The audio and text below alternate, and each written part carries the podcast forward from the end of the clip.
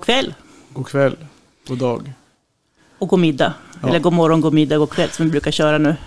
Vad är det de säger? I våra fantastiska Wherever intron. you are, vad är det för? Det är något sådär inom film. Hello, hello, wherever you are. Ja, ja, ja, men är inte... Vad heter han?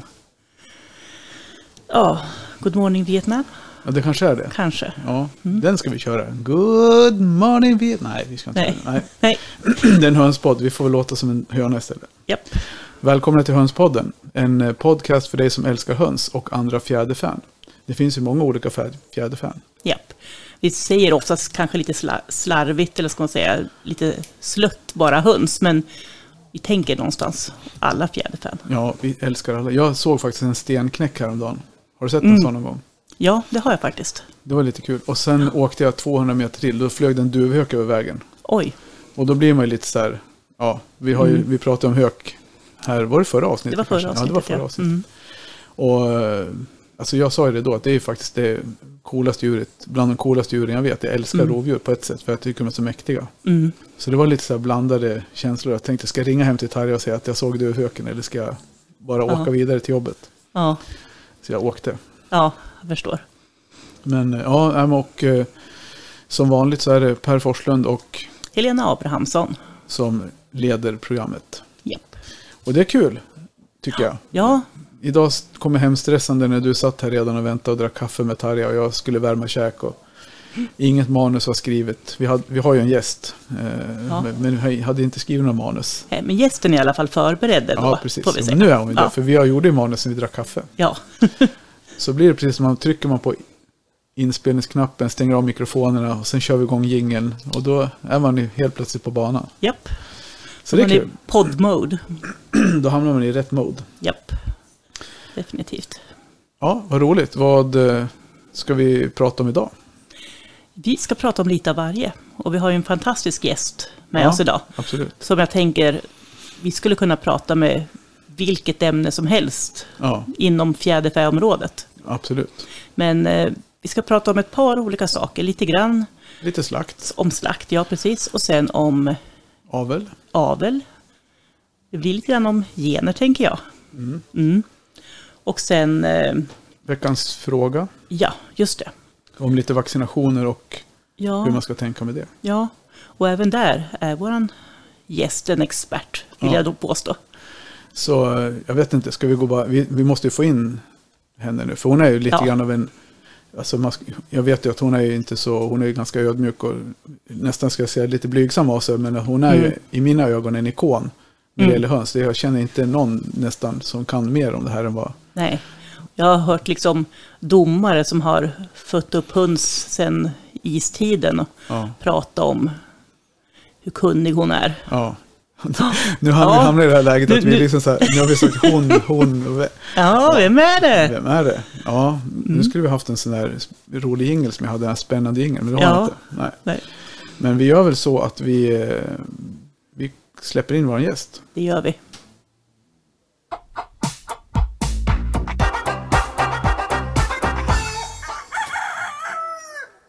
Och då har vi någon med oss. Ja, hallå. Hallå, hallå. Eh, jag, Sandra Andersson heter jag då. Eh, och tack så mycket för att jag får vara med i er podd. Ja, men kul. Välkommen så hemskt mycket. Varmt välkommen får vi säga. ja, eh, nej, vad heter det? Ja, Sandra heter jag då. Ja, Eh, jag bor eh, utanför Uppsala ihop med min sambo Emil Svensson. Eh, jag är 30 år gammal och eh, har eh, sedan så långt tillbaks i livet jag kan minnas haft ett eh, brinnande intresse för fjäderfä och framförallt höns. Då. Ja. Eh, ja. ja, det är spännande. Men hur, hur startade det? Vad var det som gjorde att du liksom kom i kontakt med höns första gången? Eh, ja, de har ju funnits med mig från början kan man säga. Så ända från eh, när jag föddes så hade mamma höns.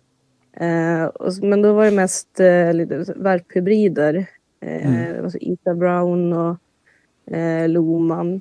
Och sen eh, kring eh, fyra femårsåldern då fick hon via en eh, jobbarkompis eh, som kunde köpa en höna med kycklingar. Det blev våra första så här, eh, ruvhöna. Mm. Mm.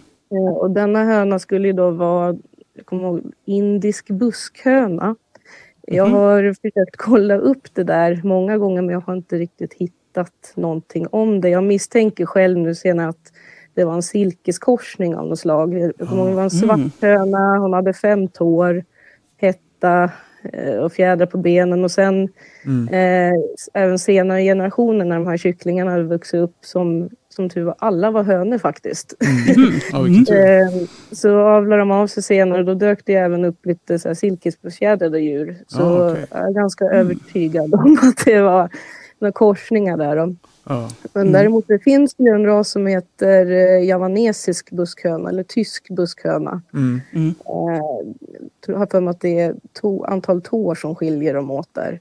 Mm. Så jag vet inte om det kan ha varit någonting sånt i dem, att någon Ja. har blandat ihop lite. För de här korsningarna jag ha, hade en del drag, om man säger så också, ifrån de här raserna. Ja.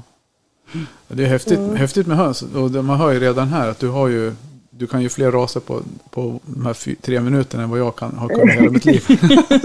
Det, är, det är, ju- är imponerande. Men alltså hur mycket, det verkar ju som att du har ju en otroligt djup alltså passion för, för höns. Och, man, och de som är, läser om dig på, eller läser dina inlägg på Facebook också verkar ju som att man förstår ju verkligen att det är en, en, ett ver, verkligt brinnande intresse. Hur mycket tid lägger du Ja, ner på din hobby i, i veckan eller per dag? Eller? Ja, det är ju, det är ju många timmar i veckan. Ja. Mm. Eh, så när jag är på fritiden, eh, ibland, jag kan ju tillbringa, ibland kan jag vara uppe så här eh, fem, sex timmar ute i hönshuset ibland om jag får vara det. Ja. Och jag vet, det var ännu värre förr så under eh, barntiden och så och tonåren, då kunde jag bo i hönshusen nästan. Ja. Kom in sent på kvällen, jag kom på somrarna, på sommarloven och det med. Då hade vi fått kycklingar och jag- så satt jag och tittade på de där kycklingarna och till Mm. slut fick ju mamma ropa in mig. Eh, för att jag hade suttit där för länge. så, ja, och Ja. jag pysslade med dem där och bara runt på och studerade dem. Och, eh, ja. Ja. Då har du verkligen lagt ner höns på he- hela Ja. ditt liv mer eller mindre då? Ja, jo. Ja, de har enda åren man kan säga på min livstid som jag inte har haft höns omkring mig. Det var väl när jag var runt två, tre år gammal. Liten. Då bodde vi i lägenhet eh, kort tid. Sen flyttade vi ut igen och då skaffade mamma höns igen. Och sen har ju hönsen va- varit med hela tiden fram till nu. Mm. Ja. Och det har utökats och blivit mer höns. ja. Vad säger, vad säger Emil då? Men vad säger Emil då Eh, när du lägger fem timmar om dagen i hönshuset? Sitter han med bredvid eller? Ja. Vad sa du nu? Sitter han med dig bredvid i hönshuset, Nej, nej, nej, nej, nej. Han, får, han håller på med annat då.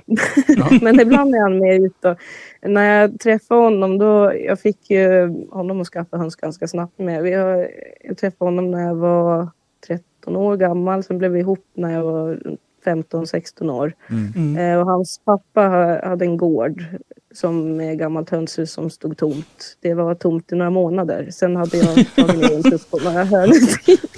Och sen, ja. ehm, så där fylldes det snabbt på också. Och han har ju haft eh, Chabo födde han upp mycket Mm. ett tag. Mm. Den små japanska dvärgen med korta ben. Eh, ja, och den rasen, på tal om det, eh, de här sebarerna som vi ska prata om senare. Ja. Eh, ett avelsarbete jag håller på med. Eh, Chabon eh, eh, har ju, spelar en viss roll i den rasen. Jaha, Eh, okej. en, en ganska viktig roll med för en av egenskaperna för rasen. Man bidrar med. Vad spännande. Mm. Vi, vi teasade ju lite grann här, du hörde väl när vi pratade upp inför, innan vi släppte in dig. Ja, Vi skulle prata lite grann om, om, om det här med slakt. För det är en sån sak som, det. som Mm. jag tycker ibland delar folk, hönsmänniskor. Det delar Mm. ju liksom, dels så kan ju folk på, om vi tar Facebook som ett stort forum för hönsmänniskor, så Mm. är det en sån här vattendelare. Mm. Att men vissa tycker att, att det är cyniskt att man föder upp massa djur och så slår man bara ihjäl dem. Och, Mm. och andra tycker att ja men det är väl självklart att man ska göra det. Vad ska man annars göra med dem? Och vi som Ja. vet vem du är och, och läser dina inlägg så är det ju otroligt generös att dela med dig av dina kunskaper om det där. Men hur, din historia om det här med slakt, har du alltid varit modig liksom och tagit död på djur? Eh, nej, nej. Eh, det var ju ett tag i, där i livet som... Eh, jag var ju en riktig så här, anti mot slakt. Mm. Eh, under barndomen och sen tidiga tonåring, då där eh, eh, gjorde jag ju som allt för att eh, slippa slakta tuppar. Mm. Eh, och- men på den tiden men då hade jag ju inte äggkläckar och sånt heller. Så då ruvade ju hönorna fram ett kyckling och då blev det inte lika mycket kycklingar. Eh, och sen hade vi även ofta tur med könsfördelningen. Så man eh, lyckades ju ofta placera om de här tupparna. Eh, man eh, satte upp lappar på Ica och eh, höll på fråga runt människor, ringde runt lite så här. Och jag kommer, det var en Mm. gång med, då ringde jag, det var en person eh, som jag blev ganska ledsen för, för jag hade fått tips om att jag kunde kontakta en person som kanske var intresserad av en tupp. Mm. Och då fick jag som till svar bara, tuppar. Ja, men vem vill ha tuppar? Mm. Och liksom riktigt ner, tryck ner en om det där. Mm. Eh, och att de menar så, ah, nej och jag har inte tid att ta emot den heller för det är ju lite att ta reda på. Eh, Jag grät efter samtalet Ja. faktiskt. Ja. Ja. nej, jag blev riktigt ledsen. Ja. Nej, så, och ehm, jag eh, åt ju inte kyckling heller på säkert fem, sex år där under tiden. Mm. Eh, Men hur, hur vände så- det då? För nu när, vi, när man följer dig på Facebook och läser så du lägger ut Ja. recept och maträtter och visar styckdetaljer. Mm. Och hur, hur kommer det sig att du har kommit dit? För det är ju verkligen... Jag tycker, Ja. personligen så tycker jag det är så det ska vara. Jag menar, vi Mm. har ju ändå ett ansvar mot, mm, mot djuren, mot klimatet. Att inte bara slänga Mm. eller låta det Mm. gå till spillo. Och då kan man lika gärna äta det man själv har tagit fram. Mm. Då. Men hur, hur vände det för dig? Ja, nej, det börjar ju kan man säga där eh, med att jag hade en gammal höna som behövde avlivas akut. Eh, och eh, jag var ensam hemma och hade ingen kontakt. Annars så brukade eh, min mamma få ta bort dem. Eh, och då så tog jag, bestämde mig för att jag, jag måste ta bort den här hönan. Så det är det enda rätta. Och så avlivade jag henne och det var jättejobbigt. Eh, men jag kände samtidigt då att eh, ändå det här att jag, jag klarar det. För Mm. man är också nervös för, tänk om jag gör fel. Mm. Och, eller något. Så man vill ju att det ska bli bra. Ehm, så då blev det att man eh, lyckas ta det här steget över tröskeln. Mm. Och då känner man ju att man, jag, kan, jag klarar det nu, då kan jag klara det igen. Ja. Mm. Eh, och sen var det ju nästa steg då, det här med tuppar och det. Mm. Eh, för jag började ju skaffa mm, äggkläckar och sånt med eh, och kläcka mer och då blev det ju mycket mer kycklingar och mer tuppar. Mm. Mm. Och det blev, blir ju ja, omöjligt skulle jag vilja påstå. Ja. Om man kläcker på att kunna Ja. Spara på allt som blir eller omplacera allt. Nej. Eh, Men då började jag med också att eh, via kontakter, bekanta och vänner som också hade överskottstuppar. Mm. Att eh, jag lärde mig att slakta och tillvarata de tupparna först då. Mm. Eh, och sen även börja äta dem mer. För jag, tänkte, jag började liksom tänka om det här. Att eh, varför ska jag kasta dem? Eller så det, det känns som slöseri och det som Ja. du sa Mm. med. Om- eh, så eh, eh, ja, och sen till slut så kunde man då ta steget till att börja äta sina egna också. Mm. Och sen eh, har det ju, det, ja det blir ju, har ju blivit lättare och lättare med tiden då. Men Mm. det är aldrig kul så här men det, det känns ju inte, det blir lättare Ja. Mm. eh, att kunna, ja. ja, det blir det. Och så brukar jag vara också så här att eh, jag ställer in mig på från början att att eh, de här kommer inte jag kunna spara och så. Det blir, och sen ibland blir det ändå att man kanske håller på extra med någon individ Mm. som blir väldigt speciell. Och så blir den kvar ändå fast det kanske egentligen inte var tänkt. Ja, Ja, ja, men det känner man igen. ja, Ja, nej, så det, ja, men även det här liksom när man då har äldre tuppar som kanske inte ska använda sig av eller inte liksom av olika anledningar inte passar in i flocken, kanske att beteendet inte funkar.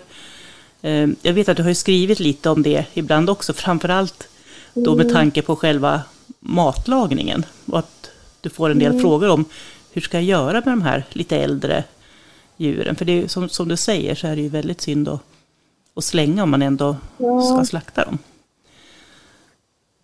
ja, men jag tycker ju ehm, äldre djur de passar ju bäst i långkok och liknande. att de får puttra riktigt länge, då blir även de väldigt möra. Mm. och bra. Då. Annars blir det lätt uh, gummibollar. och det här kommer jag i starten med när man var helt ny på det här med slakt Mm. och skulle börja lära sig. Uh, det var en, en sån här benbefjädrad dvärghönstupp. Mm.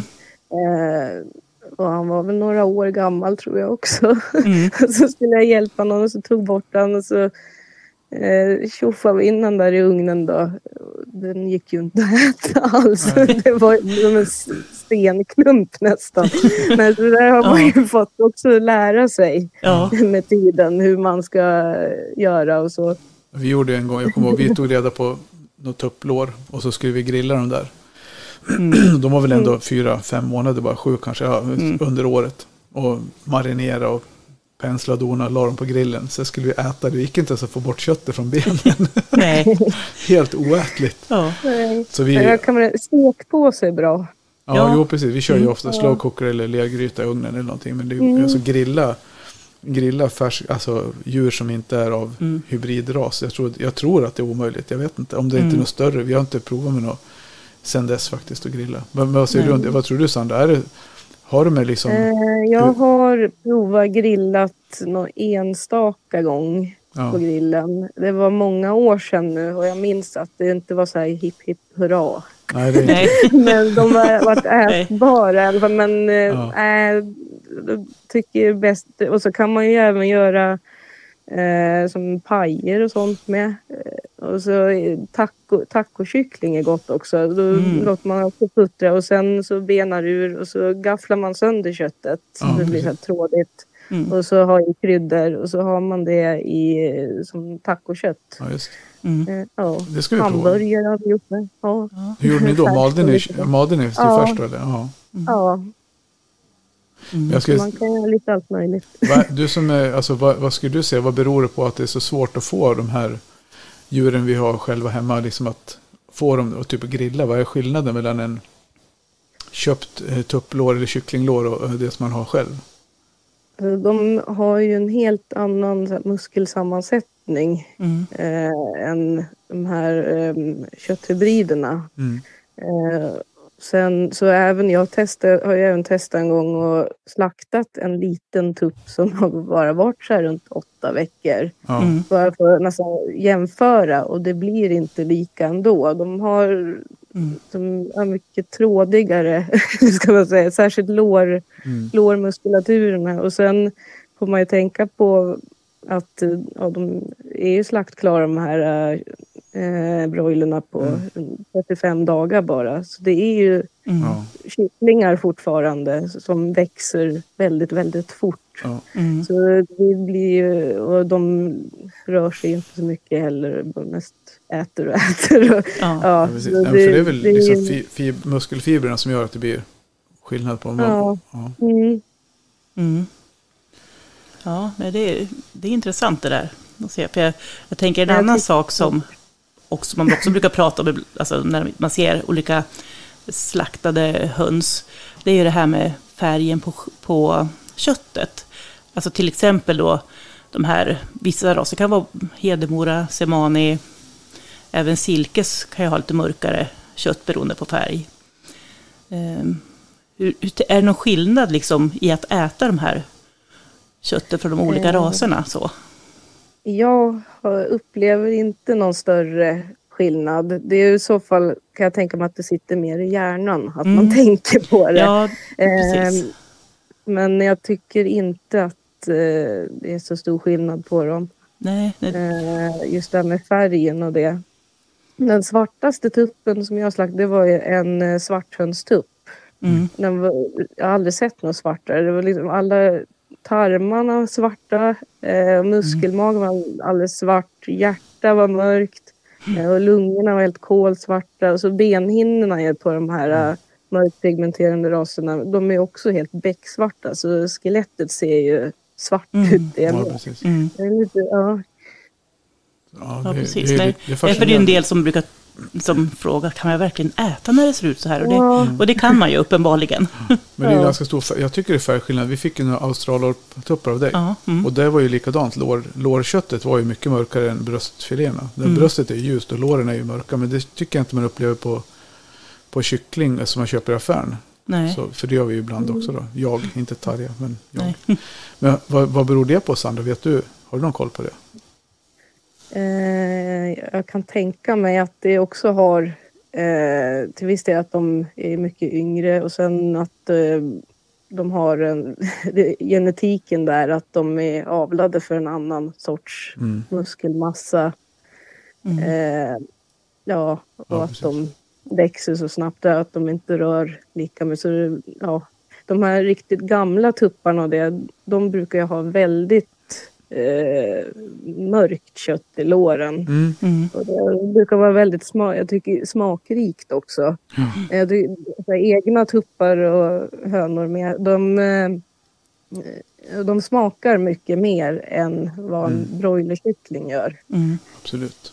Min, alltså, just vi har silkeshöns, vi äter ju inte så mycket av det här mörka köttet. För Mm.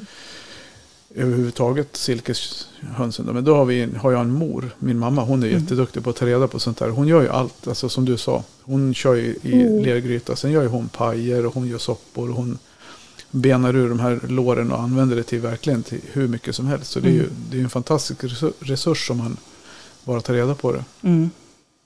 Så är det absolut. Jag tänker på en annan grej när vi pratar slakt. Och det är också en sån här fråga som dyker upp lite då och då. Hur gör man? Jag ju vet ju hur jag gör. Men jag tänker nu har vi ju, vi har ju dig som gäst att prata om det. Hur gör du när du ska avliva eller ja, men ta bort ett djur? Eh, Ja, nu mer ofta. Jag eh, hade chansen när jag fick tag på en eh, sån här liten bultpistol faktiskt. För kaniner och smådjur. Mm. Som jag tycker är jättebra. Mm. Men eh, annars så brukar jag köra med bedövningen att slag i huvudet då. Till exempel med baksidan av yxan. Mm. Sen eh, brukar jag använda en kniv och avbloda med. så jag sticker i djuret då. Mm. Och sen skär av så man öppnar upp så att eh, man avblodar. Eh, jag tycker att eh, jag känner att jag har mycket mer kontroll Ja, då än att man ska stå med en yxa och måtta och hugga. Och, ja. Mm. Mm. Var, var sticker du någonstans? Eh, om du tänker dig strax bakom käken eller hur man ska säga. Mm. Så Mm. nära eh, nackens sida då, som möjligt. Men utan att du ska inte sticka in i nacken, alltså kotorna. Utan precis, och så rätt in där. Under, eh, liksom i hals. Ja, och precis. sen, ja, och sen eh, drar jag liksom utåt framåt så det skärs av. Och sen Mm. brukar jag hålla i, försöka hålla grepp om ben och vingar eh, med ena Mm. handen då.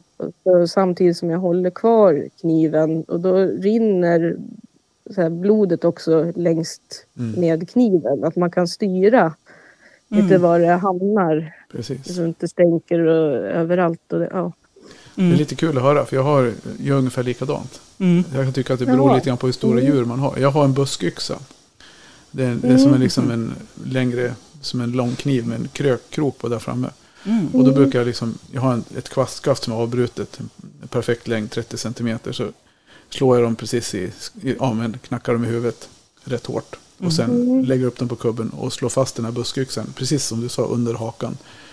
Och då får Ja. den sitta kvar, för då håller man ju fast huvudet. Då ligger ju djuret still Ja. och så rinner blodet ur. Och då, så, Mm. Sen är det lite obehagligt när man gör det ändå, för att de rycker och knycker. Och, Mm. sådär. Men Mm. det är ju tyvärr en del av... Ja, men det, är ju, det är ju helt normalt. Det är många som kan tycka det, just det där att det är obehagligt, att de tänker att har den ont eller eh, lever den fortfarande. Men det är just, eh, det är normalt. Så det, det är lika där på bedövningen. Eh, tecken på att man har lyckats med en bedövning. Det är just att de kommer att stelna till och de kommer att börja rycka och flaxa. Mm. Eh, om djuret som ligger helt avslappnat Mm. på kubben efter man slagit, då är teck- den är inte helt borta då. då Nej. Den ska inte göra så utan den, den ska flaxa. Då kan Mm. man känna sig säker på att nu Ja, har det blivit rätt. Ja, det är en bra absolut. Tumregel att känna till. Och väntar man lite för länge innan man avblodar så blir de också, då går den här bedövningen ur. Mm. Eller man själva Mm, ja, då omtumlingen. kan då blir, ja. man slå Nej, igen. Så där är också viktigt att, eh, just det, att man just avblodar efteråt. Det är själva avblodningen som är avlivningen. Mm. Mm. Eh, för det finns, även om, om man skulle slå till hårt i huvudet och tänka att men den är död. Mm. Det finns en risk till att den kan återfå medvetandet och då ligger en misshandlad fågel där bara. Absolut. Mm. Så, ja. Men det är Mm. jätteviktigt. Jag brukar ju faktiskt för det mesta det är på order från högre instans här i familjen så får jag Mm. faktiskt, eh, de, ska, huvudet ska bort så vi säkert vet att det, är, Mm. att det Mm. inte finns någon risk att de ligger och, och, och lever. Men jag vet ju också att när man ser på dem när blodet slutar pulsera Mm. ur, då är det ju liksom inget liv kvar. Nej. Ja, nej, och sen man kan kolla eh, blinkreflexen på dem med. Mm. För de, eh, när de är borta då pupillen reagerar ju inte på ljus. Eh, och du kan vidröra ögat utan att eh, den inre blinkhinnan eh, Mm. reagerar. Men då menar du efter det- att man har avblodat dem, eller hur? Eh, även redan vid bedövningen Ja. så är det ett tecken på att de är helt eh, djupt medvetslösa då. Ja. Eh, att du Mm. kan röra vid ögat och det händer ingenting. Nej. Eh, ja, och sen eh, efter att det är avblodat och så med att Mm. få, den har slutat att andas och eh, ögonen reagerar inte på ljus eller beröring. Nej, Och så, då, och så blir kroppen alldeles slapp. precis. Så, så, ja. Mm. Jag tycker det, kan, det, det är lite makabert ibland när de fortfarande har lite dö- dödsryckningar och ligger och, och knycker och Mm. sådär. Mm. Tupparna ligger och gapar. Men, alltså, de, det är ju mest tuppar man har ihjäl. Alltså. Mm. Men att de ligger och, och liksom gapar med näbben. Så här, det kan ju vara, då kommer oftast, ja, ibland kommer min fru ut och säger du, är det verkligen död den där? Ja, absolut, den är, Mm. den är död. Men Mm. då får, det är därför vi har bestämt att vi, jag tar bort huvudet. Ja, Mm. då vet man säkert att det inte, Mm. de kan inte leva Mm. utan Nej. huvud. Nej. Ja, det finns ju faktiskt eh, fall med höns som har levt utan huvud med. Okej? Ja. Eh, ja, till exempel den Mike the Chicken, har ni Just hört om det. honom? Mm. Jajamän. Det finns ju flera fall också. Där är det ju att de har, eh, när man hugger av huvudet så har de huggit eh, för långt upp. Så eh, en del av eh, så här, hjärnstammen och det som styr eh, viktiga funktioner som andning och så. Den har klarat sig och lika att de då har missat eh, halspulsådern och det här. Ja. Mm. Så att den har inte förlorat, så den inte har förblött då. Eh, Mm. Så då har ju den där tuppen eh, levt och sen eh, har de ju även att de försökte fortsätta hålla den vid liv med pipett och grejer. Ja, men, Ja. ja. Ja, Ja, jag tror jag, tror jag att jag Nej. har sett, när jag har kollat på Mm, Wikipedia eller något liknande, att det finns skrivet om den. mm, Men en sak som i alla fall jag inte har upplevt, det är det här som folk pratar om att de springer. De hoppar ju tycker jag, när man, om, man, om man släpper dem på en gång. Mm. Efter man hugger huvudet av dem eller blod av dem. Så att de studsar runt, det kan men vi har aldrig upplevt att de Mm, det springer. Har, det har jag varit. Inte, nej, inte springer, Nej. men att de studsar jämfota och flaxar runt eh, kan det ju vara. Mm. Och eh, det där, om fågeln är mer uppstressad med Mm. vid avlivningen så är risken större att det kommer bli mer flaxande och längre tids flaxande Mm. jämfört med om den är lugnare. Och sen lika hur på sättet den dör som är med knivstick. Då Mm. lämnar man ju, då blodar man ju men man lämnar ju eh, ryggmärg och allting Precis. och nerver där är ju helt.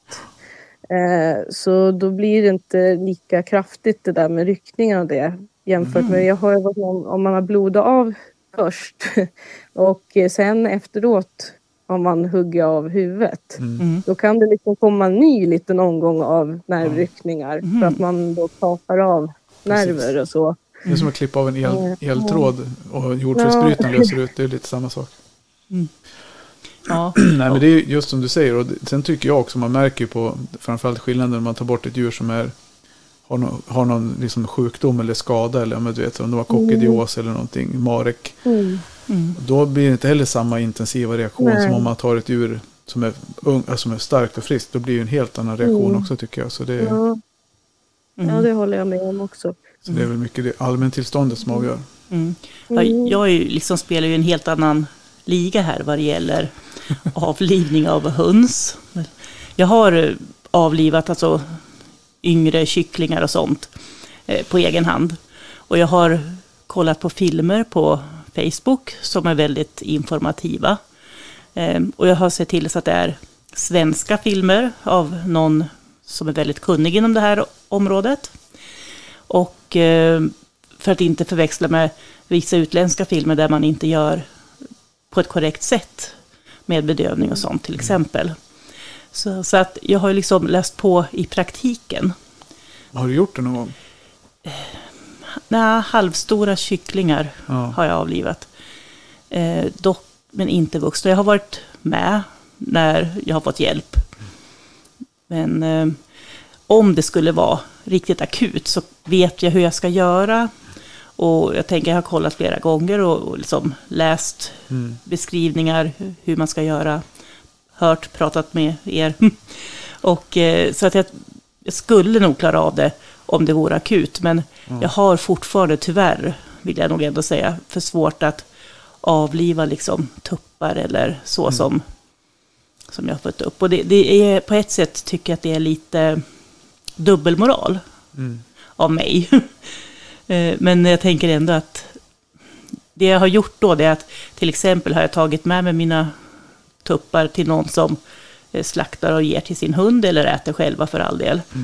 Så att jag har fått hjälp Ja, med, med den biten. ja, nej, Och att det kommer ingen- till användning. Ja. För det tycker jag ändå känns viktigt för mig. Det är väl väldigt många som inte vill, som inte kan, som tycker det är hemskt. Jag menar, det är ju, så är det väl. Det Mm. var väl inte så kul första gången man gjorde det, de första hundra gångerna kanske heller. Jag vet inte. Nej. Men det är väl ingenting, och det är väl bra att det finns folk som, som ställer Ja. upp och hjälper till med det. Så Ja. det, det är jättebra. Absolut.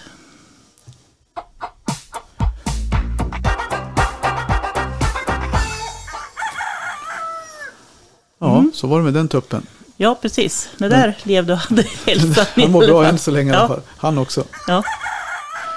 Jajamän. Men eh, du pratade lite grann tidigare Sandra om det här med din ras, ditt avelsprojekt. Ja, Och det var det jag eh, tänkte vi skulle kliva in på nu och prata lite grann om. Du får berätta mera. Mm. Det, avelsarbete med ny Ja. ras står det här i manuset. Hur kommer man på idén att ta fram en ny ras?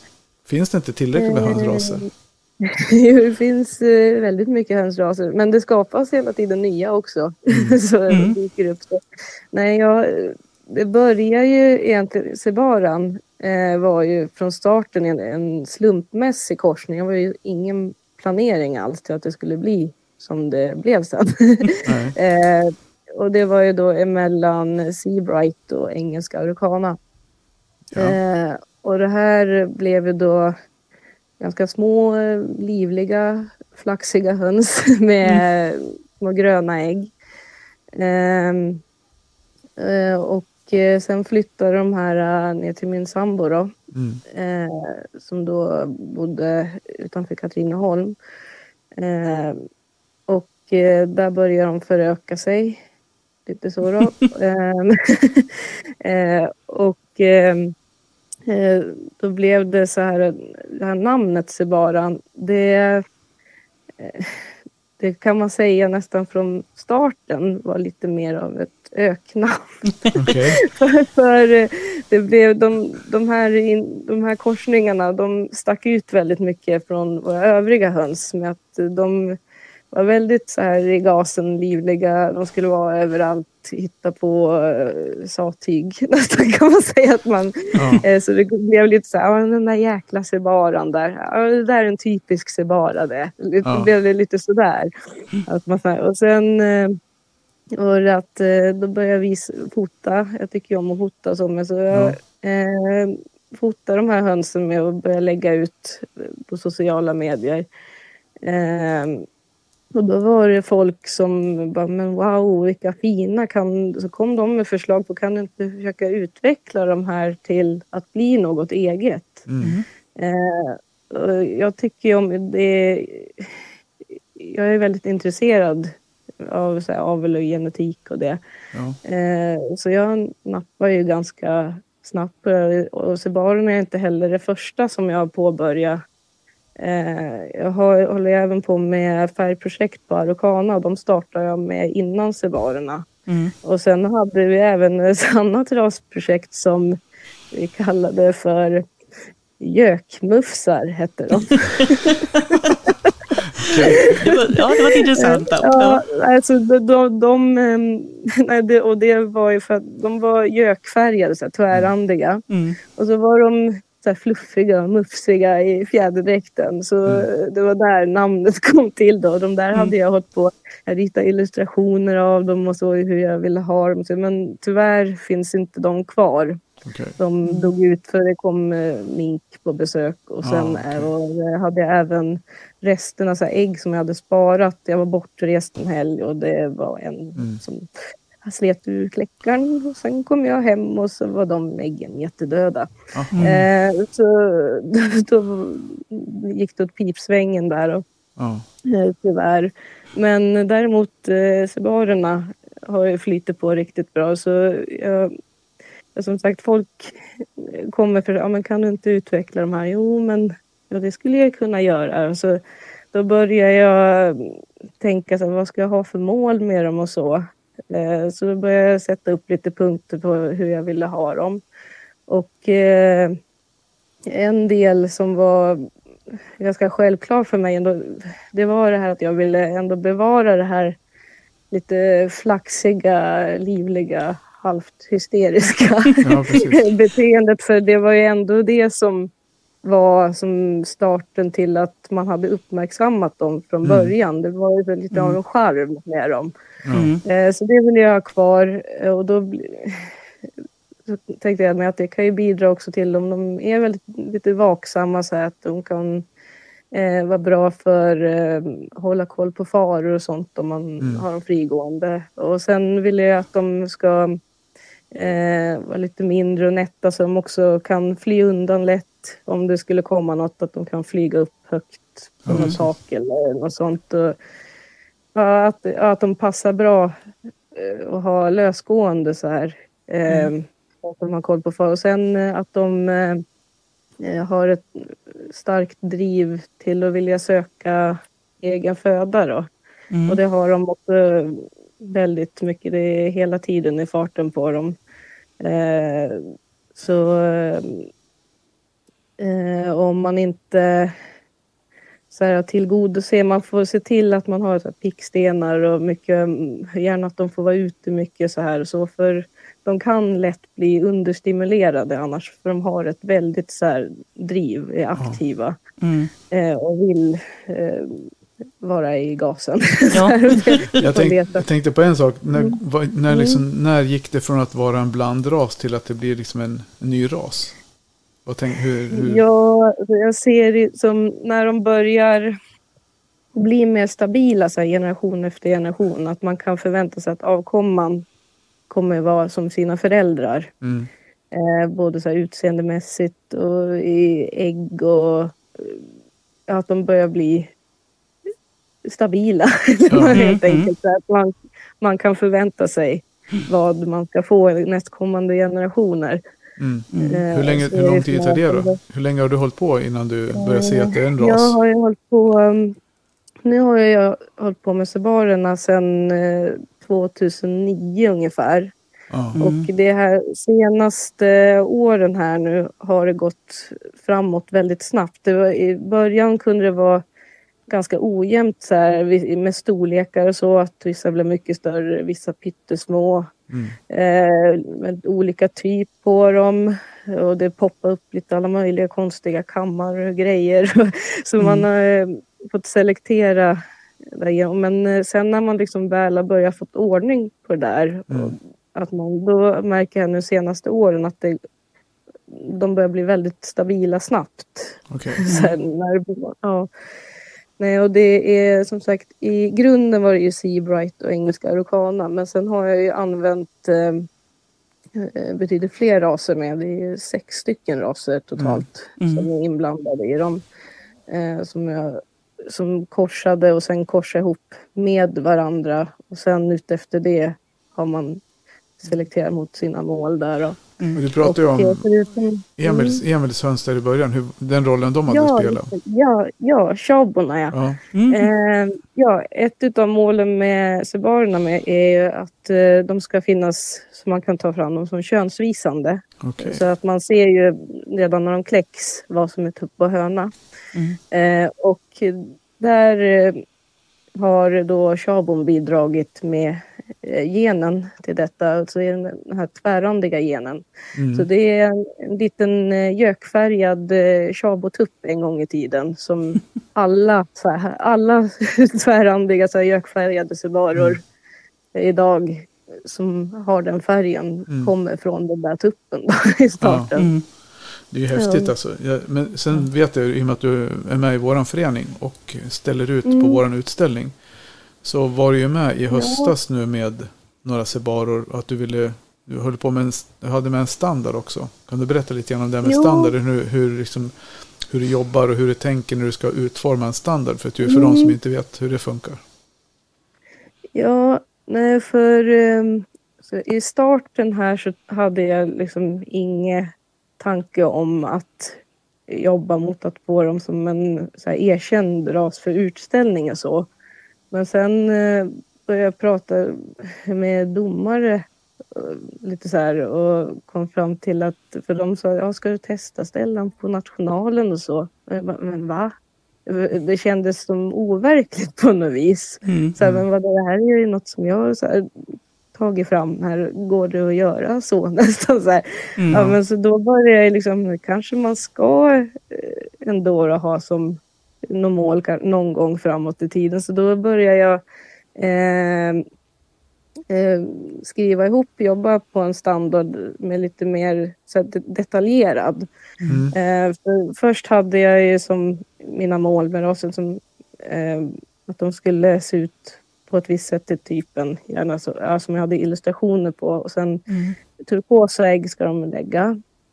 Eh, och sen eh, det där med könsvisningen Mm. och eh, temperament och det. Eh, men sen förekommer liksom till exempel de kan ha flera olika benfärger och sånt. Mm. Och eh, Mm. där, om man tittar på så här raser som man ställer ut och så, då är det ju ofta att de eh, lite mer så specifikt att de ska på varje detalj Mm, ja, eh, ha Mm. något så här, ja, så då börjar jag som skriva att eh, jag utformar då som sagt ja, kropp, huvud, kamtyp, eh, ben och så efter varje sån här eh, punkt då, så skrev jag en liten beskrivning eh, vad, hur, hur de ska se ut då, som att ja, de ska ha, önskas ha eh, vita, rosa fötter och fem tår. Mm. Mm. Eh, och de ska ha en valnötskammen. Eh, och den här, ty- så här, den typen av stjärten och, Ja. och ja, så att man liksom målar upp en bild av fågeln med ord då. Eller Ja, precis. Har, du test, Ja, och har, du, sen, eh, men har du testat den här standarden mot djur som du har ställt ut då? Så du vet hur den Eh, bedöms, hur dom, ja, domarna jag, upplever jag provade ju, det var väl 2019 där. Mm. Eh, jag ställde hos er. Mm. Mm. Ehm, Och eh, tyvärr så missades en grej. Jag hade ju även ritat upp illustration Mm. eh, på tupp och höna. Och eh, den kom inte med på utställningen. Jaha. Så domarna fick lite svårt. De sa så här, ja, det hade varit bra om man hade fått en bild också att Mm. titta på. Och jag, jag, jag hade det, men oj då, ja, det blev tokigt. Då. Men Mm. ja, de hade liksom ändå försökt bedömt utefter min lista där. Och, Mm. eh, och det var lite kul, där med, de hade skrivit så kommentarer på bedömningskortet eh, utefter en standard som jag själv har skrivit. Ja. Ja, Du bara, du, jag vet Nej, hur mitt sen- djur ser ut liksom. Ja. Det är jag som har, det är mitt djur. Jag har tagit fram det här djuret. Jag Ja. vet det här är perfekt. Ja. Det finns Ja. inga fel. Ja. Ja, nej, nej, och sen blev det var ju tanken att jag kanske skulle ha provat där eh, året efter och ställt faktiskt på nationalen. Ja, Eh, För, för det måste man ju göra sen för att kunna ja, få en godkänd ras. ja. Så det är därför Jo, den är så viktig så att säga. För det den är delen. tre, tre, år, tre år tror jag det var man skulle Mm. ställa dem. Och då måste de ju uppnå ett visst antal poäng också. Mm. Och ett var visst antal djur. 91, ja, precis. 91 poäng minst tror jag. Mm, och det är lika med de här färgerna på mina Araucana. Eh, där har jag ju ställt dem en gång på nationaler. Mm. Men sen har det ju två år på raken tyvärr blivit inställt. Mm. Mm. Så det blir...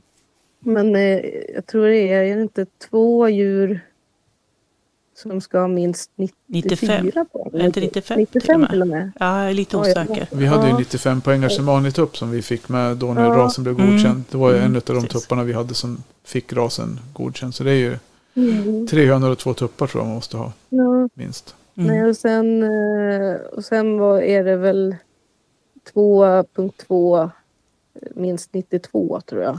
Mm. För, för I alla fall på nationalen kommer jag ihåg när jag ställde min Araucana. Då fick jag ju 94 på en del och det var godkänt. Mm. Eh, så här. Och sen skulle man ha minst 92. Ja, Mm. om de inte har ändrat någonting. Då. Och för de Nej. som inte För- håller på med utställning 2.2 det betyder två hönor och Ja. två tuppar va? Ja, precis. Ja, 1.0 är tupp och 0. punkt- Ja. Så vi som håller på. Vi, men vi lyssnade ju på, det, det låter ungefär som, vi jobbar lite samma med avel som han, de i Kulturhandsföreningen har ju också Mm. sina kriterier för hur det ska vara. Mm. Ja, men det är superspännande. Men vad tycker du har varit de största utmaningarna då med, med Sebaran? Vad vad är det som har liksom gjort, du har hållit på sedan 2009, det är, ganska, det är jättelång tid. Men, Mm. eh, och det är ett, det är ett fantastiskt projekt. Vad har liksom varit svårast på vägen? Eh, svåra, ja, det är det här, främst ehm, eh, typen tror jag är här. Att man ska försöka få dem att se likadana ut. Behålla en viss typ där. Och sen där även med äggproduktionen. Jag försöker ju räkna äggen. Ibland Mm. har det inte gått så bra för man har latat till sig. Mm. Och ibland, det hörde jag förresten, var det inte kring kulturhönsen ni pratade lite om där med Ja, räkna ägg? Så, Mm. jo. ja. Nej, så det, och nu är jag igång med här och försöker att räkna ägg för hela det här året. Så varje Mm. gång jag plockar in ägg eh, och sen har jag en almanacka som jag går och drar streck i antal ägg per dag Mm. för att eh, Mm. ha, försöka få koll på eh, ungefär hur, hur mycket ägg lägger de här då. För Mm. eh, där är också Mm. en punkt, jag, vill, jag upplever att de värper väldigt bra och det eh, är också ett mål då att jag vill att de, det ska vara en, en produktiv ras. De Mm. ska värpa rätt bra. i- Ja. Och sen, men även att de eh, ska ha lite ruvlust också, men inte så överdrivet som vissa raser Silke? kan, ja, till exempel.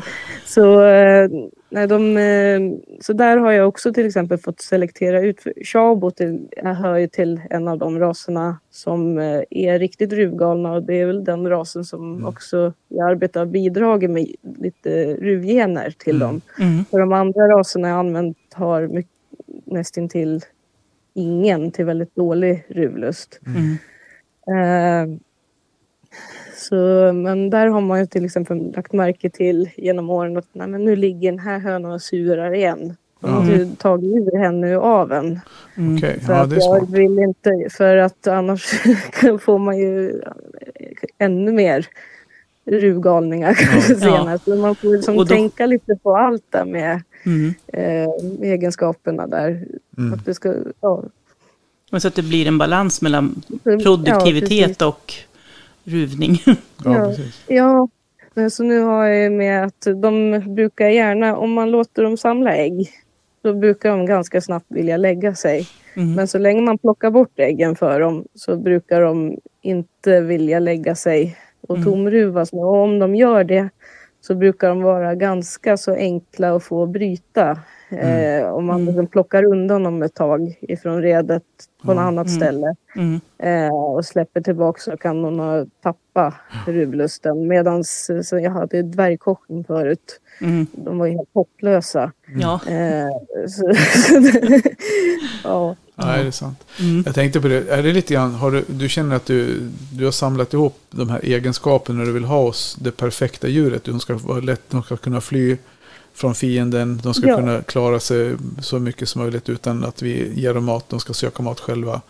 De ska vara högproduktiva och hela den biten. Så det var, liksom, syftet var att skapa liksom, din d- Ja, drömras. jag känner ju att, ja, jag känner ju att ehm, jag har uppnått de här målen Mm. som jag satte upp nu. Då. Så nu är det ju mer att jag börjar gå på eh, detaljer med så här, finslipningar. Mm. För det är ju hela tiden man selekterar och jobbar framåt. Så är det ju med alla andra raser man har också. Mm. Eh, som redan är så här, erkända raser. Det är ju hela tiden eh, selektion. Mm. eh, framåt för att bevara eh, det typiska för de raserna. Då. Ja, precis.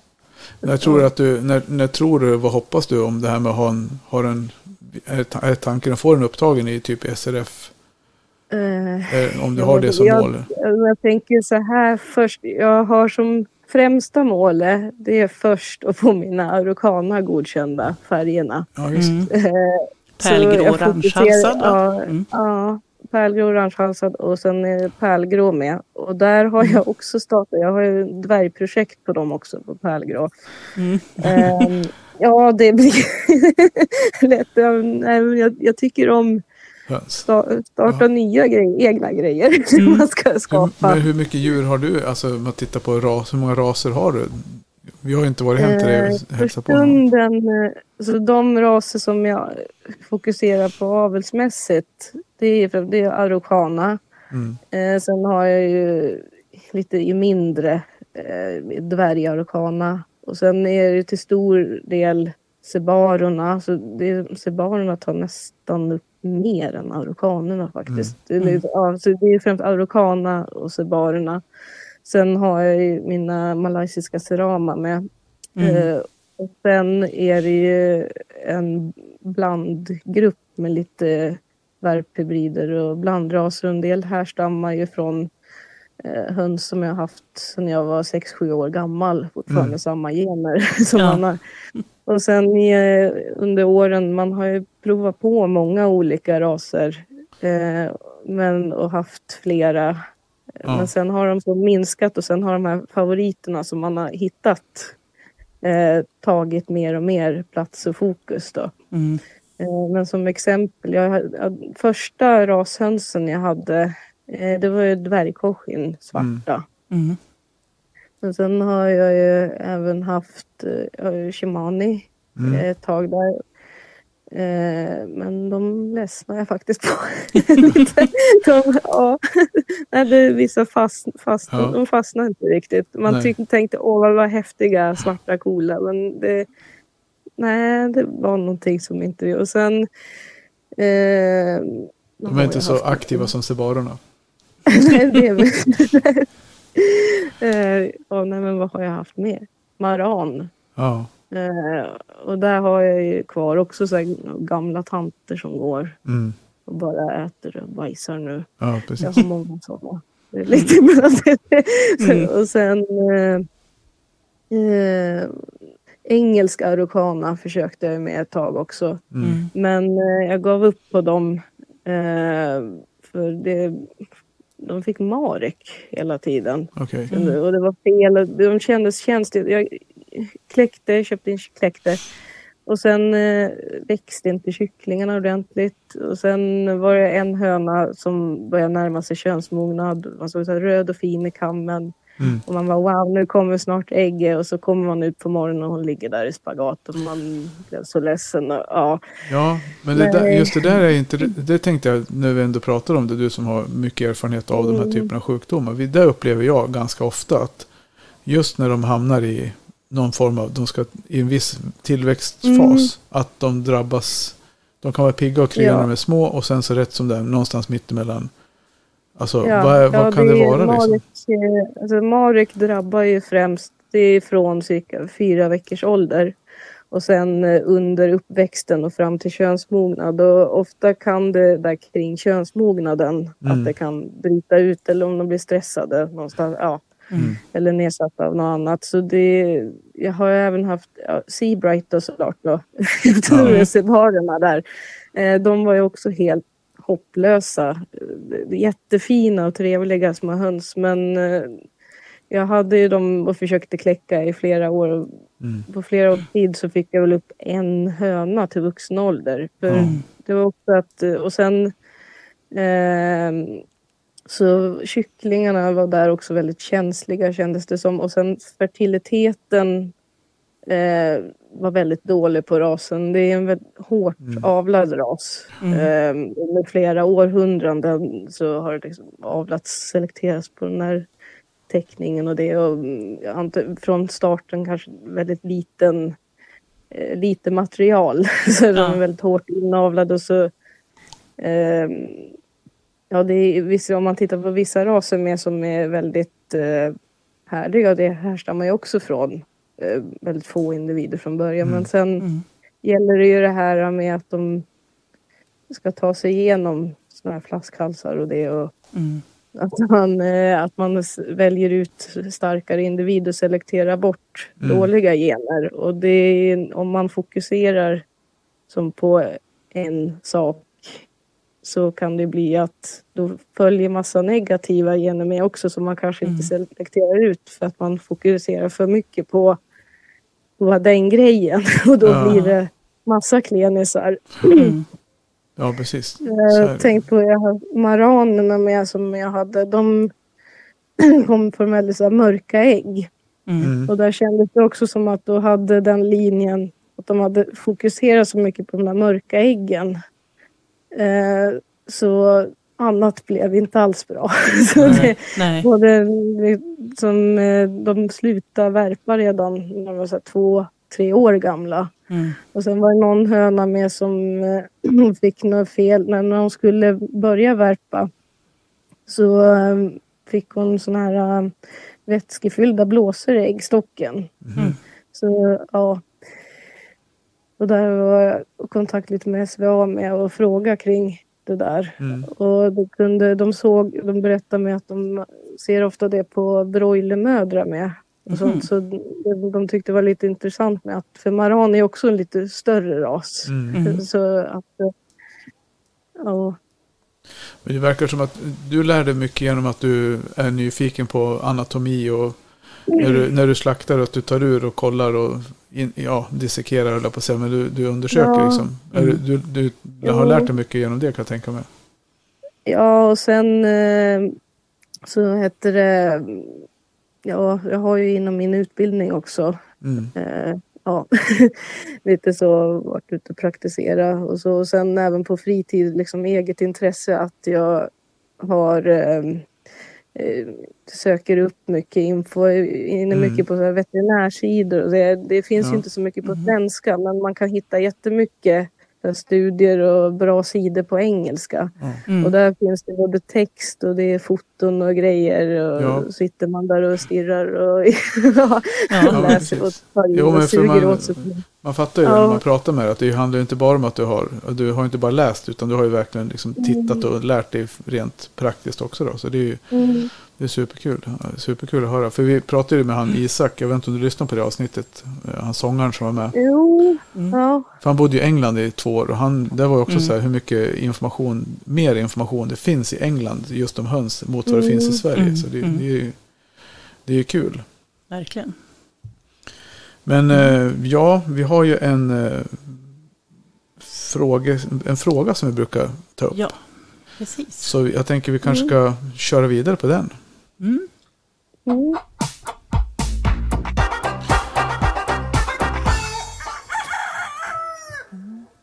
Och det här är en fråga som vi fick av eh, en lyssnare som sagt var. Hon har sina höns vaccinerade mot ILT. Och hon funderar lite grann på vad händer om jag slutar att vaccinera mina djur? Och också liksom hur länge kan man räkna med att de har det här skyddet? Det här, det här är många frågor på en gång, men jag tänker att det går väl i varandra. Ja. Och naturruvade kycklingar som liksom kläcks i flocken och som går med vaccinerade höns. Och vad ska man tänka på när det gäller dem? I det här fallet så hade den här ägaren då tänkt sig att eh, slakta dem sen när de inte blir allt för gamla men tillräckligt stora eh, för att kunna bli mat till hundarna tror jag det var. Så vad, vad kan man tänka på kring det här Sandra? För du, du, kan, du kan ju sånt här, du kan ju allt. Eh, Ja, nej, alltså det finns ju... Eh, om man slutar vaccinera, det finns ju alltid en risk. Det behöver ju inte hända någonting. Mm. Eh, men de ska vara medvetna om att det, det kan finnas en risk för att eh, de kan få sjukdomsutbrott på sikt i flocken. Mm. Och sen eh, tror jag att det kan ju säkert variera också liksom risken för vaccinet. Det skyddar ju eller mot här, sjukdom, sjukdomssymptom. Mm. Men eh, en höna kan ju fortfarande vara infekterad utav eh, fältstammar, alltså de här vilda virusen som man eh, som orsakar ILT-sjukdom som man vaccinerar för att skydda mot. Då. Mm. Eh, och det är det om man slutar, om man tänker att eh, det skulle finnas en väldigt aggressiv stam i flocken eh, och så slutar de vaccinera. Då kommer ju dels skyddet kommer med tiden och blir sämre på de vaccinerade djuren. Man brukar rekommendera att man fyller på en gång om året, en sån här boost- boosterdos. Mm. Mm. Eh, Så eh, där finns det en risk att skyddet då kan bli sämre och då att det skulle kunna eh, blossa längre fram. Men jag tror det störst risk är ju då i så fall för dem om de kläcker kycklingar och inte vaccinerar dem. De får gå ovaccinerade där eh, under längre tid. Att de i så fall kan riskera att bli sjuka. Eh, men sen eh, Men då blir de inte sjuka från, de- blir inte smittade av de vaccinerade djuren utan de blir smittade av, i så Eh. fall utifrån då. Nej, de kan ju bli smitt för en vaccinerad fågel. Eh, den eh, är ju skyddad då, Mm. men den kan ändå eh, bära på andra ILT-virus, de här Mm. arga virusen, vilda. Just, Eh, så, så den kan ju, så om hon inte vaccinerar avkomman då, då finns det ju en risk då att de här vaccinerade skulle kunna utsöndra, de kan utsöndra vaccinvirus med. Mm. Och de Mm. eh, märks oftast inte av eh, om något skulle bli smittat av. Så det blir som en tyst infektion då. Mm. Mm. Eh, och det är därför det är också viktigt att med, eh, när man säljer så att man ska berätta att det här djuret är vaccinerat och vad som innebär. Mm. Mm. Eh, så att de kan göra val där och så. Mm. Eh, så att, eh, för, eh, vad var det jag skulle säga nu? eh, ja, kycklingarna ja. Ja. Att eh, om de blir smittade utav eh, ett så här med aggressivt virus då kan ju de eh, löpa risk att de blir sjuka då. Mm. Men det går ju som inte att säga kanske om det händer eller när det händer. Ja, Alltså, hur, gam, hur gamla var de? Eh, Det vet inte om Ja, det, skrev. nej, precis. Jag tror inte hon skrev Eller, Ja. eller, eller nej, nej, men hur gamla var de, eh, tänkte hon behålla? Eller ja, innan tills- hon skulle ta ja, bort? Ja, till de var fem, fyra, fem, sex månader tror jag. Om jag minns Ja. rätt. Mm, nej, för jag vet eh, faktiskt två fall där det har hänt eh, utbrott också för att det har slarvats. Och då Mm. hade de låtit liksom flocken gå, tror det var, över ett år. Och ingenting hade hänt. Då. Mm. Och sen helt plötsligt så började dö djur och hostas blod och grejer Mm. där. Mm. Ehm, och så, ja. Så det finns ju en risk då. Men eh, om man tänker, så när man låter, det, man kan ju låta dem naturruva. Jag, låter också, jag vaccinerar också. Mm. Eh, mina har gjort sedan 12-13 år tillbaka. Mm. Eh, och jag har ju haft många naturruvade kycklingar under hönor och då brukar jag eh, försöka liksom inom närmsta månaderna att de Mm. får vaccin då. Eh, Så att man inte drar ut på det för länge. Men de ska ju vaccineras när de är minst fyra veckor gamla. Mm. Eh, Mm. Men eh, Och vi kan ju berätta att det här vaccinet det är liksom en, en droppe som man Mm. droppar i ög, ögat Ja. på hönsen. Så Ja. det är ganska smidigt. Då. Ja, det är jättesmidigt. ja, Ja. Beroende på hur man man har. ju då. Ja. eh, nej, så... Eh, och det ges ju, det är ju två grunddoser med det. Så det som är nu, då är det ju med en grund, grunddos och sen efter tio veckor ger man den andra. Mm. Och sen är det boosterdos då. Efter ett år där. Mm. Och, eh, men eh, för de som natur, de brukar ju rekommendera, man kan ju ha såna här eh, som, uppsamlingar av kullar för Mm. att slippa eh, vaccinera lika ofta. Mm. Så om man kläcker på under vår och sommar då kan man ju låta hönorna ruva fram kycklingar under våren, sommaren. Och sen vaccinerar man dem på sensommaren då till exempel när den eh, yngsta kullen har hunnit blivit minst fyra veckor. Då. Mm. Men eh, ja, som sagt, att man ändå försöker att få till det, så inte dra ut på tiden allt för länge. Och sen Nej. kan det, om man, lika gärna om man blandar, för de kan ju sprida vaccinvirus med. Eh, och då kan, det kan ju även här, utbyta genetiskt material med vilda stammar. Mm. Eh, så det kan ju ske, finnas risk för mutationer och Mhm. sånt också. Så Mm. att det kan bli mer sjukdomsframkallande och det vill man inte heller. Så Nej. Försök att liksom håll, hålla en besättning vaccinerad och försök ge, eh, ge den här boosterdosen och Mm. hålla, hålla en jämn, eller hur ska man Ja, ja. beskriva det? Mm. Precis. Jämn nivå där, att eh, man inte duttar och dattar dit och slarvar. Får, Eh, annars får man så här eh, mini-covid. Man får en omikron hemma. Ja. Man får en, ja, en egen Nej, ILT-stam. Mm. ja. Nej, och sen som sagt, eh, det här med smittbärare och det, men det gäller ju även ovaccinerade höns kan ju också bära. Mm. Mm. eh, på vilda virus utan att man märker på det. det vaccinviruset det funkar ju eh, lite liknande som de vilda virusen men det är en försvagad variant. Alltså, Mm. har man gett en höna då ska man ju se henne, även om man slutar vaccinera henne, Mm. så ska man ju se henne som vaccinerad livet ut. Då, för det här Mm. kan lägga Mm. sig i hennes eh, nervrötter. Och att hon kan utsöndra av det här ibland i livet och man ser ju inte, vet ju inte när. Nej. Och, så.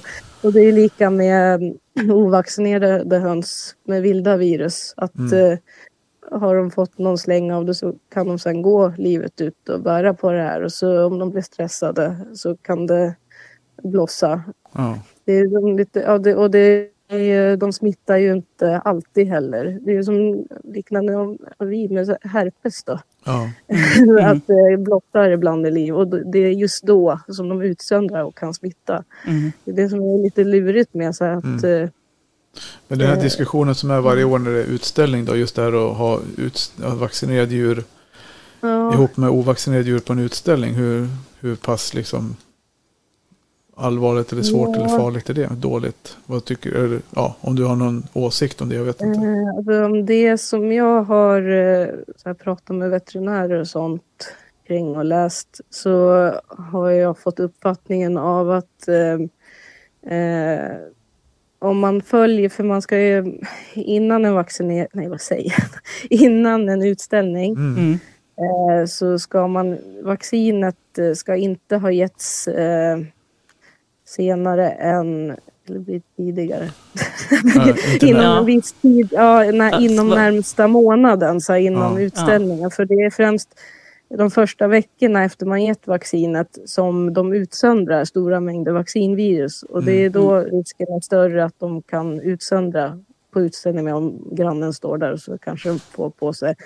Eh, men sen eh, när det har gått en tid och då avtar den här utsöndringen och kan sluta helt. Och sen eh, så kan de ju återkomma ibland. Men inom så här, bara man kollar på studier och sånt så är sannolikt så utsöndrar vaccinerade djur mycket mindre doser. Och även om det skulle vara så att de skulle vara infekterade av andra virus är så Mm. eh, är sannolikt att eh, de utsöndrar även av dem mindre dos och alltså mindre risk då med, jämfört med om man har en ovaccinerad höna Mm. eh, som kanske bär på eh, ILT-virus och hon börjar utsöndra då kan Mm. hon utsöndra mycket mer virus än den vaccinerade. Mm. Så då blir liksom man, man har en utställning och sätter en eh, ovaccinerad, oskyddad individ i en bur och så tänker vi att det står en vaccinerad till höger om henne och så till vänster om henne står en ovaccinerad smittbärare. Då är det större Mm. risk eh, att hon kan bli smittad av den ovaccinerade än den Ja. vaccinerade. Ja, precis. Ja, så det, ja. Mm. Ja, men det är viktigt att man håller de här tidsramarna helt Precis. enkelt. ja. Så Det, det ju... Och sen eh, med grunddoserna, med, för om man vill garantera gott skydd då ska man ge båda doserna. Mm. Mm. Eh, för de, eh, eh, de får ju lite skydd eh, redan efter några dagar där efter första dosen Mm. börjar ju skyddet bildas men sen tar det ju några veckor innan de har fått ett bättre skydd och sen så krävs det ju den här andra dosen då för att man riktigt ska kunna garantera Mm. eh, att det är fullt skydd. Då. Mm. Precis. Eh, Mm. Precis.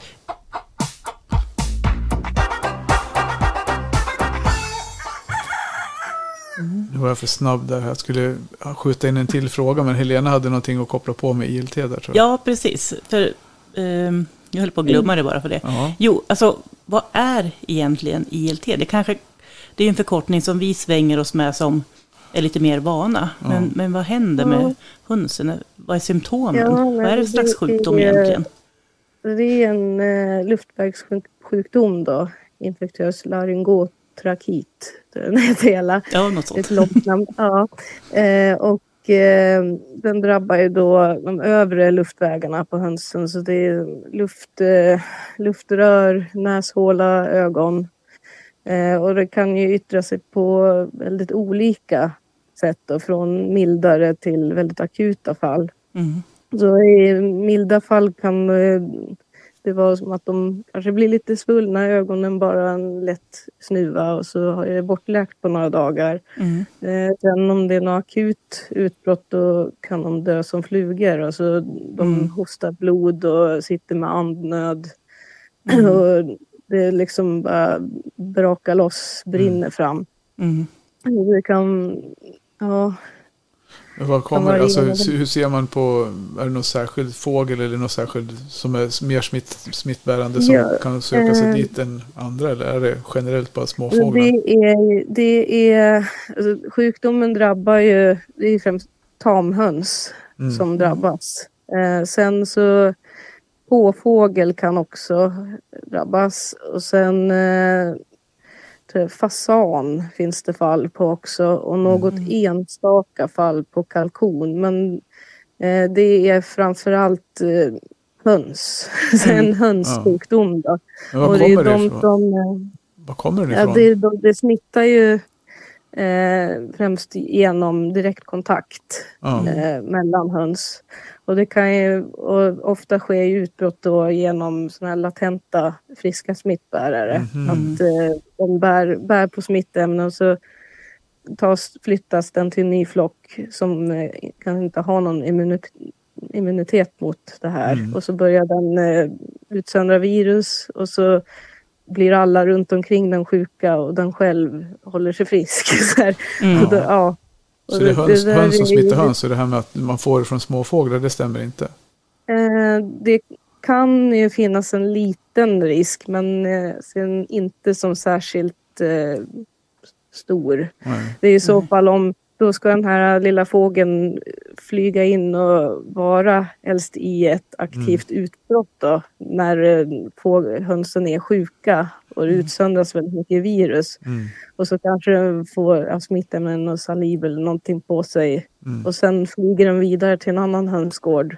Mm. Eh, och de får kontakt med det där. Och, ja, så det Ja. känns som en ganska liten risk om man säger så. så. Det, det är främst eh, direktkontakt och sen kan det även vara så här, droppsmitta under här, lite kortare avstånd. Som på Mm. utställningar till exempel. Då, om Mm. någon nyser och det flyger runt lite i luften och så och någon annan andas in det där. Och, Så egentligen om man vill Eh. undvika att få in ILT i sin besättning, då är det bästa sättet att vaccinera dem. Eh, ja, eller att eh, man helt enkelt inte utsätter, man startar flocken med ägg då. Mm. Och för det smittar inte via ägg. Så man desinficerar skalytan mera för då eliminerar man ju Mm. Eh, om det skulle finnas något på skalytan. Och så kläcker man upp och sen håller man den flocken stängd och så ser man till med att eh, för vi människor kan ju också dra runt på dem. Man har varit och klappat på hönsen och Mm. trampar runt med skor i hönshuset och så går man till ett annat hönshus Mm. och klappar på de hönsen och trampar runt där inne. Mm. Och redskap och så här kan det ju finnas på också. Mm. Så, um, sen, vet jag, sen finns det ju, eh, man man kan ju även testa eh, med blodprover och sånt och kolla om de har antikroppar. Mm. Eh, och har inte en flock antikroppar då har de ju med stor sannolikhet inte viruset Mm. i flocken då Nej. för stunden där just då när man har tagit det här testet då. Mm. Eh, sen vet man ju inte hur det ser ut nästa dag. Nej, Så nej. det, det, Nej, nej, men det, har, de- men har de inte tagit in någonting eller så utan bara fortsätter som det alltid har varit efter då, Mm. då är det väldigt låg risk. Mm. Nej, så det, och, Ja. sen, eh, ja, och sen kan man ju vaccinera mer för att förebygga sjukdom. Då. Mm. Eh, då, skyddar de ju på, ja, då, då skyddar man ju mot att hönsen ska kunna drabbas och bli eh, sjuka Mm. i den här sjukdomen då, som kan orsaka väldigt eh, mycket lidande och stora förluster. Mm. Mm. Eh, men eh, då är det det här att man får tänka på det, att eh, man tillför ju också det här vaccinviruset då, och sen även att eh, det inte garanterar att det inte kan finnas vilda virus ändå i flocken så att man har liksom det Mm. Eh, i huvudet. Ja, ja, Mm.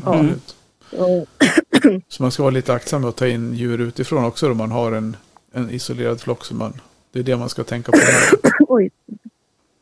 Eh, ja, Ja. Mm. ja, jag vet inte. Nu har vi ju pratat ILT så det snurrar i huvudet på mig i alla fall. Ja. Jag hade faktiskt noterat en, en fråga till här som jag tänkte på när, du, när vi ändå har dig på tråden. Man pratar om det här med, många spekulerar ju kring det här med könsfördelningen när man kläcker kycklingar. Vad som, Mm. att det avgör om man har högre temperatur eller någonting lägre temperatur så får man mer tuppar än, kyck, än hönor. Men, eh, vad, vad, hur, hur gör du för att få fram så mycket hönor som möjligt? Nej. eh, nej. det där. Jag har hört om eh, vissa påståenden att vissa temperaturer ska göra... Alltså, könet det bestäms ju redan vid befruktningen. Mm. så det är inget som man kan kontrollera sen. Men jag har hört någonting eh, om att eh, det eventuellt skulle kunna vara så att vissa embryon har det ena könet är känsligare än det andra. Mm. Eh, för vissa temperatur- att det att man kanske dör bort mer av sådana på så sätt att man skulle kunna Mm. få mer hönor. Mm. Eh, men det vet jag inte om det stämmer. Och sen, jag kommer ihåg när jag var liten med höll jag på med en sån här ring som man Mm. att snurra över äggen. Och det, Ja. det, det hjälpte inte heller så mycket. Och sen det här med äggformer och det spetsiga. Hönor, de har ju, varje individ har ju sin äggform. Mm. Eh, så eh, det skulle ju betyda som om jag har en höna eh, som värper väldigt runda ägg som då sägs vara hönägg då. Det skulle ju betyda att den hönan bara får hönkycklingar då. Ja. Men så är det ju inte. Nej. Nej, precis. Nej. Det var skönt, att vi fick höra det från dig då, för det är ungefär vad jag har sagt och tänkt hela tiden. Att det kan ju Ja, omöjligt bero på temperaturen. Då. Nej. Och, och, och på sto, i stort så är det ju 50-50, eller om det är en liten övervikt för Ja, tuppar har jag för mig. Tuppar. Ja. Ja. Alltid. De går väl åt lite fler av, är väl tanken Ja. i naturen. Nej, sen är det här äh, med, man hör ju ofta om, äh, ja det är så mycket tuppar. Mm. Men äh, det, jag tror det är med också att om när man, ja förra året fick jag jättemycket tuppar också. Mm. Eh, och då gnäller man över det. Sen Mm. åren när man får mycket hönor, då, har man inte, då tänker man inte på det riktigt. Nej, Och så, så i det stora hela, om man räknar ihop allt, allt då Ja. är det ju ungefär 50-50 där. Och, mm. eh, ja, det är väl att man inte vill ha för mycket tuppar och därför blir det att man uppmärksammar det. Det beror ju på hur man har det. Alltså, det. Det beror på hur man har det. Men har man så ja, man kan ha dem gå till att bli vuxna Ja. och bli mat så är det väl ingen fara att ha tuppar Ja. tycker jag. Men det är väl det där Mm. man kan tycka att det är lite jobbigt att behöva vara hård och ta bort dem då. Och, Mm. Mm, och ska man inte använda dem i avel så är det ju, då går det inte åt, då räcker det med typ en eller två per år. ja, så är det ju. Så, ja. Mm. Du Sandra, vad superkul att vi fick ringa dig och att du ville vara med. Mm, verkligen. Så-. Vi kanske får anledning att återkomma nu när du har fått lite, nu har du varit med en gång och fått smak på det kanske. Ja, ja, En, gång- en gång poddare, alltid poddare. Ja, eller en gång, ingen gång brukar man säga. Mm. Ja, men absolut. Ja, men du, så vi, vi tackar dig så hemskt mycket så hörs vi Mm. längre fram här i vår och år med utställningar och hönsträffar. Jajamän. Mm, Ja, men det gör vi. Ja, ha det gott. Hälsa Emil. Ja, Ha det ja, det bra. Ja, tack. tack, tack. Hej. Hej, hej.